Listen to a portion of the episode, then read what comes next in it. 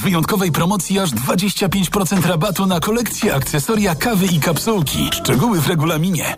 Bo w Media Expert taniej ma. W Media Expert przedłużamy Black Friday. Dzisiaj nasze sklepy są otwarte dłużej. Sprawdź setki rewelacyjnych okazji. Na przykład bezprzewodowa mysz gamingowa Steel Series. Najniższa cena z ostatnich 30 dni przed obniżką 219 zł. Teraz za jedyne 149. Z kodem rabatowym taniej o 70 zł. Bo w pierwsze, kawa. Intensywny i wyrazisty smak Family pomoże Ci z łatwością przejść przez dzień. Family. Niezmiennie Twój pierwszy wybór teraz w wyjątkowej cenie. Kochanie, potrzebuję zmiany. Marzy mi się taka wyspa. Z ciepłym piaskiem i palmami? Nie, z dużym blatem i płytą indukcyjną. Gdy potrzebujesz zmiany, z pomocą przychodzi promocyjna pożyczka gotówkowa w Banku Millennium. Sięgnij po nią wygodnie w apce lub w oddziale. RRSO 12,1%. Promocja trwa do 26 stycznia 2024 roku. Szczegóły w placówkach i na stronie banku. Bank Millennium. Inspirowany Tobą. Reklama. Radio TOK FM. Pierwsze radio informacyjne.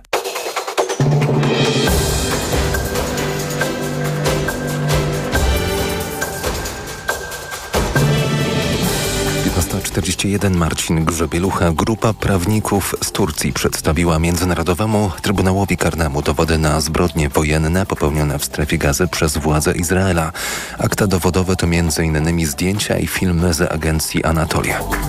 W trakcie nocnych i porannych ataków Rosji na Ukrainę z użyciem dronów uderzeniowych ukraińska armia zniszczyła 74 spośród 75 maszyn, powiadomiły siły powietrzne Sił Zbrojnych Ukrainy. Bezzałogowce leciały głównie w kierunku stolicy Kijowa. Instytut Meteorologii i Gospodarki Wodnej wydał ostrzeżenia pierwszego stopnia przed intensywnymi opadami śniegu i oblodzeniem, głównie dla Pomorskiego i Kujawsko-Pomorskiego. Hydrolodzy z Instytutu ostrzegają także przed wysokim stanem wód Morza Bałtyckiego i Żuław. A więcej informacji o 16. Radio TOK FM. Pierwsze radio informacyjne. Twój problem, moja sprawa. Proszę Państwa, Państwa i moim gościem jest w tej chwili pani Agnieszka Halikowska, prezeska Fundacji Ponad Schematami. Dzień dobry Pani Agnieszko. Dzień dobry. Fundacja Ponad Schematami to jest y, organizacja pozarządowa, która między innymi wspiera właśnie osoby dorosłe z ADHD, bo o ADHD będziemy dzisiaj rozmawiać, ale też szerzej patrząc wspiera tematy związane z neuroróżnorodnością, z włączaniem osób neuroróżnorodnych w różne sfery życia. No i właśnie zacznijmy może od tego, jak to jest z tym ADHD, bo pokutuje, nie wiem, wydaje mi się, że to jest trochę taki stereotyp, że osoba z ADHD często również dotyczy to osób w spektrum autyzmu, bo one też nie niejednokrotnie z tym ADHD się mierzą, że osoba z ADHD to jest ktoś taki, kogo wszędzie jest pełno, nie można z nim wytrzymać, bo wszędzie chce być pierwszy i generalnie jest go dużo za dużo. Jak to jest w praktyce, bo wiem, że pani też e, jakby z własnego doświadczenia potrafi ten temat opowiedzieć. Tak, zdecydowanie jest e, bardzo dużo stereotypów na ten temat i ja może e, trochę przewrotnie powiem o tym, czym ADHD nie jest. Na pewno nie jest brakiem umiejętności koncentracji. To nie jest tak, że osoby z ADHD nie potrafią, to jest bardziej tak, że tej uwagi, ona jest tak podzielona na tyle e, różnych wątków, że czasami trudno ją ukierunkować. Na pewno nie jest też tematem dotyczącym tylko dzieciństwa i tego już stereotypowego, bardzo często przytaczanego chłopca, który przeszkadza na lekcjach. E, ADHD utrzymuje się w wieku dorosłym, co bardzo często jest również taką kwestią podważaną przez niektórych psychologów, e, z czym e, mamy do czynienia też w fundacji. Na pewno ADHD nie jest... Bo część osób się, rozumiem, diagnozuje dopiero w wieku dorosłym. Dokładnie, tak. Do tego też możemy wrócić, bo, bo sama diagnostyka jest bardzo ciekawym tematem, e, bo też spotykam się z takimi twierdzeniami, że ADHD nie ma, nie istnieje, zostało wymyślone. Mm, więc tutaj też jakby mijamy się bardzo mocno z prawdą. ADHD nie jest takie samo dla wszystkich i to też e, w kontekście właśnie dorosłości jest o tyle istotne, że jeżeli spotykamy kogoś, kto został zdiagnozowany w wieku dorosłym i nie korzystał wcześniej z mechanizmów wsparcia, tak naprawdę nie wiedział, dlaczego pewne rzeczy y, zadziewają się bardziej w stosunku do y, reszty społeczeństwa, to wypracował sobie bardzo często już albo mechanizmy działania, albo ciągle jest w sferze maskowania. I to, że my pewnych cech nie widzimy, to wcale nie oznacza, że one nie istnieją. Mm, To mm, też jest taka moja refleksja nad tym, jak czasami słyszymy e, opinie o tym, że mm, każdy z nas trochę ma ADHD. To w dużym stopniu umniejsza temu, z czym mierzą się osoby z ADHD na co dzień. Tak, to rzeczywiście tak jest, że niejednokrotnie ym, w takim przelocie gdzieś słyszymy takie zdania, "Oj, bo ty masz na pewno ADHD. Tak, no zdarzyło mi się nawet kiedyś rozmawiać z taką stu- studentką, której ktoś w trakcie wykładu powiedział, ty na pewno masz ADHD i jej odpowiedź była tak, mam i zapadła niezręczna cisza. E, Natomiast chciałabym jeszcze powiedzieć jedną rzecz, czym ADHD nie jest. ADHD nie jest wymówką. Ja też bardzo często spotykam się z taką, ponieważ dużo szkole też o neuroróżnorodności w organizacjach, spotykam się z, taką, z takim pytaniem ze strony e, czy HR-ów, czy menadżerów e, i menadżerek na temat tego, że no dobrze, to teraz nie rozumiem, czego jakby żądacie. Czy chcecie, żeby właśnie przed osobami neurotypowymi rozwijać czerwony dywan i iść w stronę tak zwanej pozytywnej dyskryminacji, czy odwróconej dyskryminacji? Absolutnie nie o to chodzi. Chodzi o to, żeby dostrzec inny sposób funkcjonowania umysłu, bo mm, to, z czym dzisiaj mamy do czynienia, czyli ten język deficytu, problemu, zaburzenia, prowadzi nas w taką stronę mówienia, że coś jest nie tak e, z konkretną osobą, która właśnie doświadcza ADHD, podczas gdyby odwrócić to myślenie w taki sposób, że mój sposób koncentracji jest inny. Większość społeczeństwa, większość populacji koncentruje się w ten sposób, że skupia się na konkretnym, nie wiem, zadaniu w danym momencie i ma tą umiejętność. Mój mózg skupia się na wielu zadaniach. W takim razie może deficytem jest to, że ktoś skupia się tylko na jednym. No właśnie. To samo też y, od osób z spektrum autyzmu słyszałam, że być może to my, to, to, to, to z nas powinniście brać przykład, a nie my z was na przykład, prawda? Mm, Bo my być może widzimy szerzej, lepiej y, i bardziej dokładniej potrafimy tę rzeczywistość inaczej opisywać. Pani Agnieszko, to jest tak, że często mówi się o ADHD, że to jest taki, no... Ym, pewien taki zbiór y, sprzeczności różnych. Y, jakie to mogą być sprzeczności i jak pani to y, odbiera z takiego codziennego życia? Mm, Tak, tych sprzeczności jest bardzo wiele, bo jeszcze warto wspomnieć o potencjalnym współwystępowaniu na przykład ADHD i autyzmu. Wtedy jak Tak. te kategorie się na siebie nakładają, jeszcze trudniej jest ubrać to w słowa. Natomiast no, z takich podstawowych, jeżeli e, myślimy już stricte o ADHD, to kwestia tego, że z, tak naprawdę miotamy się w codzienności pomiędzy tym, że nam się nudzi, e, pomiędzy tym, że chcielibyśmy cały czas robić coś nowego, a z drugiej strony doskonale zdajemy sobie sprawę, że struktury zewnętrzne, e, które nakłada na nas właśnie praca, odpowiedzialność w rodzinie, em, w innych grupach, e, one są nam bardzo potrzebne i jak tylko je dostajemy, to już chcemy się ich pozbyć. I to jest taka e, wieczna walka pomiędzy tym, e, co wybrać, co lepiej mi służy. Tak naprawdę mm, no jest to spora, e, spora trudność w takim codziennym życiu. Ale też kwestie związane chociażby z tym, że mm, interesuje nas wszystko naraz. I to jest właśnie ten inattention, czy, czy właśnie deficyt uwagi, który w ogóle no jakby lingwistycznie jest troszkę źle zdefiniowany, bo polega na tym, że interesuje nas właśnie wszystko naraz. E, I stąd powstają te cudowne, świetne pomysły, e, które łączą rzeczy na pozór bardzo nieoczywiste.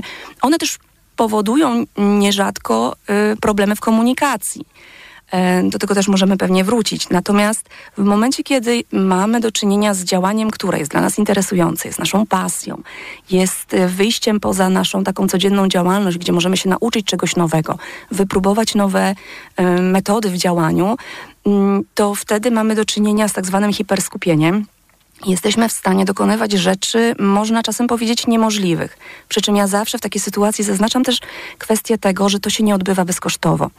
E, usłyszałam kiedyś, i myślę, że to było szkolenie, nie pamiętam dokładnie, natomiast usłyszałam taką informację od organizacji, że te osoby z ADHD, to one to są takie konie pociągowe.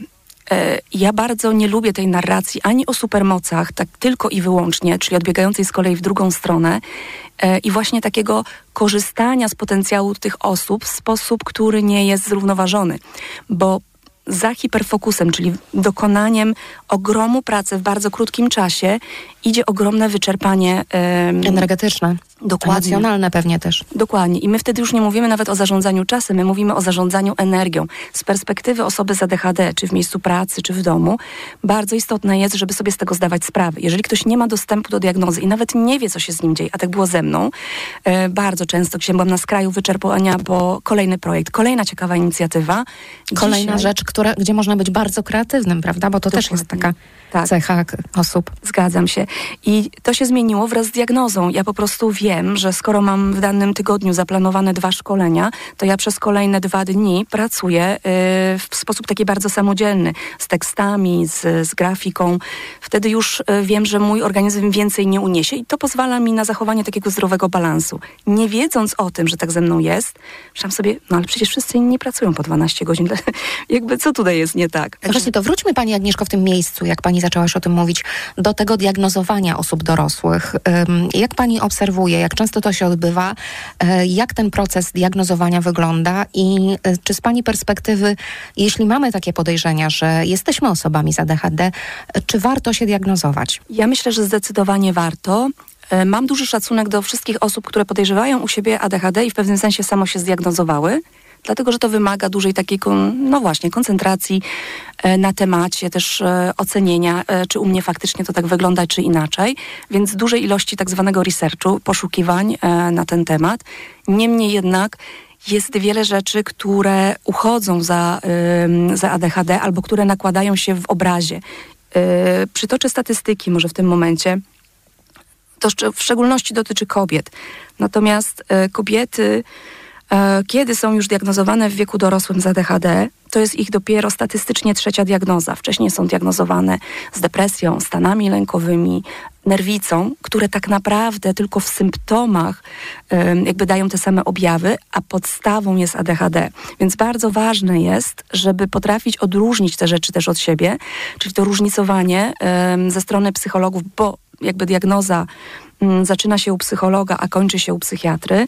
Natomiast e, mm, ja zawsze zachęcam do tego, żeby się jej podjąć. Wiem, że to nie jest łatwe w naszych warunkach, bo i dostępność tych lekarzy e, i psychologów jest ograniczona. To się też wiąże z niemałymi kosztami, w zależności od tego, w jaki sposób ktoś prowadzi diagnostykę. Mm, W związku z tym e, na pewno nie jest to łatwe. Niemniej jednak to bardzo dużo zmienia w rzeczywistości mm, tych osób. Znowu Właśnie o to chciałam też zapytać, bo wejdę Pani w słowo, przepraszam, bo tutaj jak przygotowywałam mój serial Kolorowe Ptaki o osobach w spektrum autyzmu, to od osób dorosłych, które diagnozowały się właśnie w wieku dorosłym, słyszałam, że to był taki ciężar, który zrzucały z siebie, że to bardzo im pomogło w życiu takim codziennym. Pani też tak to odbiera, że to pomaga wiedzieć, że jest się osobą z ADHD właśnie? Zdecydowanie pomaga, bo wtedy y, właśnie możemy w pewnym sensie, ma, przechodzimy przez wszystkie tak naprawdę fazy związane też z reakcją na tą informację. Ja osobiście też bardzo długo broniłam się przed diagnozą, uważając, że no przecież mnie to nie może dotyczyć. E, okazało się, że wiele e, systemów, które zaadoptowałam w dorosłym życiu, po prostu przykrywały em, różne obrazy e, ADHD. Natomiast na pewno diagnoza y, dla większości z nas jest takim momentem, w którym mówimy sobie, ok, to ja teraz rozumiem, dlaczego tak było. E, zaczynamy rozumieć, dlaczego byłem, byłam emocjonalna w szkole.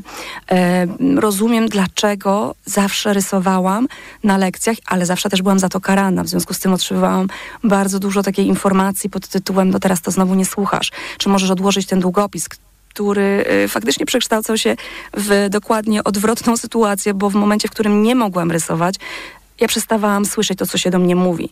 E, Więc e, bardzo kontrproduktywne sytuacje.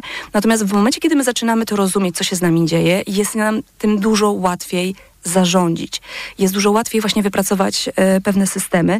Ja mam takiego kolegę, który został zdiagnozowany prawdopodobnie jako jedna z pierwszych osób w Polsce, bo to były późne lata 80., gdzie o ADHD wiedzieliśmy bardzo niewiele. E, I on zawsze mówi tak, wiesz, ja tak naprawdę nie do końca rozumiem i to mi tak naprawdę pokazuje, jak ważna jest diagnoza, bo wiesz, ja, ja jakby zarządzam tym swoim ADHD, ja mam je pod kontrolą bo on dostał tą informację, zrozumienie, co się z nim dzieje oraz mechanizmy wsparcia od rodziców. Bardzo często to jakby rozumienie przez rodziców, co się dzieje z dzieckiem, e, też ma wpływ na to, jak e, toczą się dalsze losy.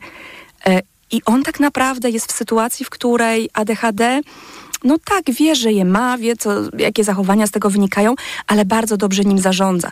Kiedy to się dzieje w wieku dorosłym, e, niektóre osoby mają taką e, myśl, że gdzie byłaś diagnoza całe moje życie e, i bardzo się z niej cieszą, bo nareszcie to rozumieją. Z drugiej strony jest też ogromny smutek i żal związany z tym, że gdybym wiedział, wiedziała wcześniej. Coraz więcej wśród pracodawców na szkoleniach mówi się o neuroróżnorodności i o tym, by próbować jako właśnie szef, pracodawca, kierownik firmy, próbować y, z tej neuroróżno- neuroróżnorodności swoich pracowników.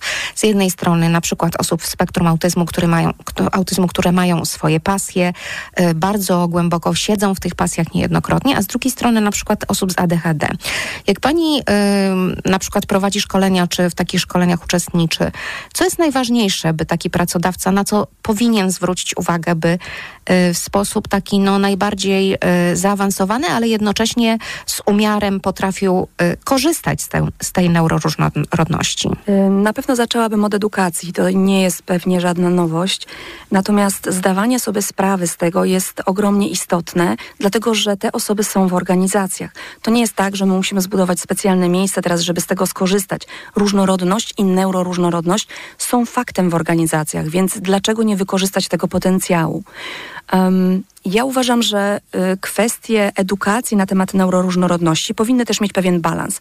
I tego sobie życzę, żebyśmy uczyli właśnie e, kadry zarządzające, menadżerów, menadżerki, liderów różnego stopnia. Mm, zrozumienia tego, że nie ma nic złego w innym sposobie postrzegania informacji, ale to od nas wymaga właśnie podstawowej wiedzy o tym, że nie ma dwóch takich samych osób z ADHD, nie ma dwóch takich samych osób e, w spektrum autyzmu, e, jakby rozszerzenia takiego naszego rozumienia, z czym wiąże się neuroróżnorodność. Ja na szkoleniach bardzo często pokazuję również, jak intersekcjonalność, czyli płeć, czyli e, właśnie sytuacja ekonomiczna czy społeczna, wpływają bądź nakładają się dodatkowo na, y, na element y, neuroatypowości. Przy czym też mocno podkreślam, to nie jest jedyny element tożsamości tych osób. Jakby nie zapominajmy, że oprócz ADHD to jestem żoną, matką, e, ukończyłam e, studia, pracowałam w HR-ze.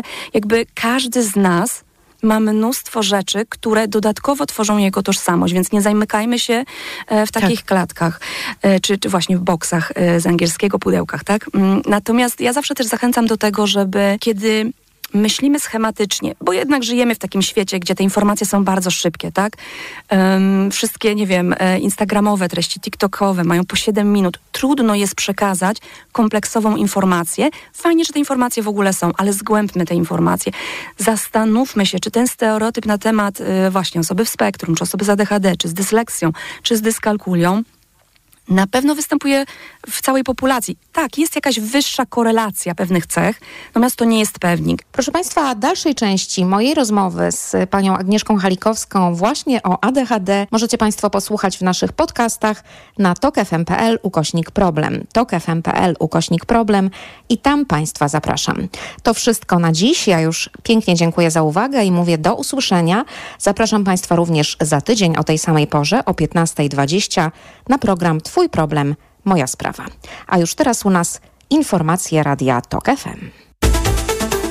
Twój problem, moja sprawa. Reklama. RTV Euro AGD.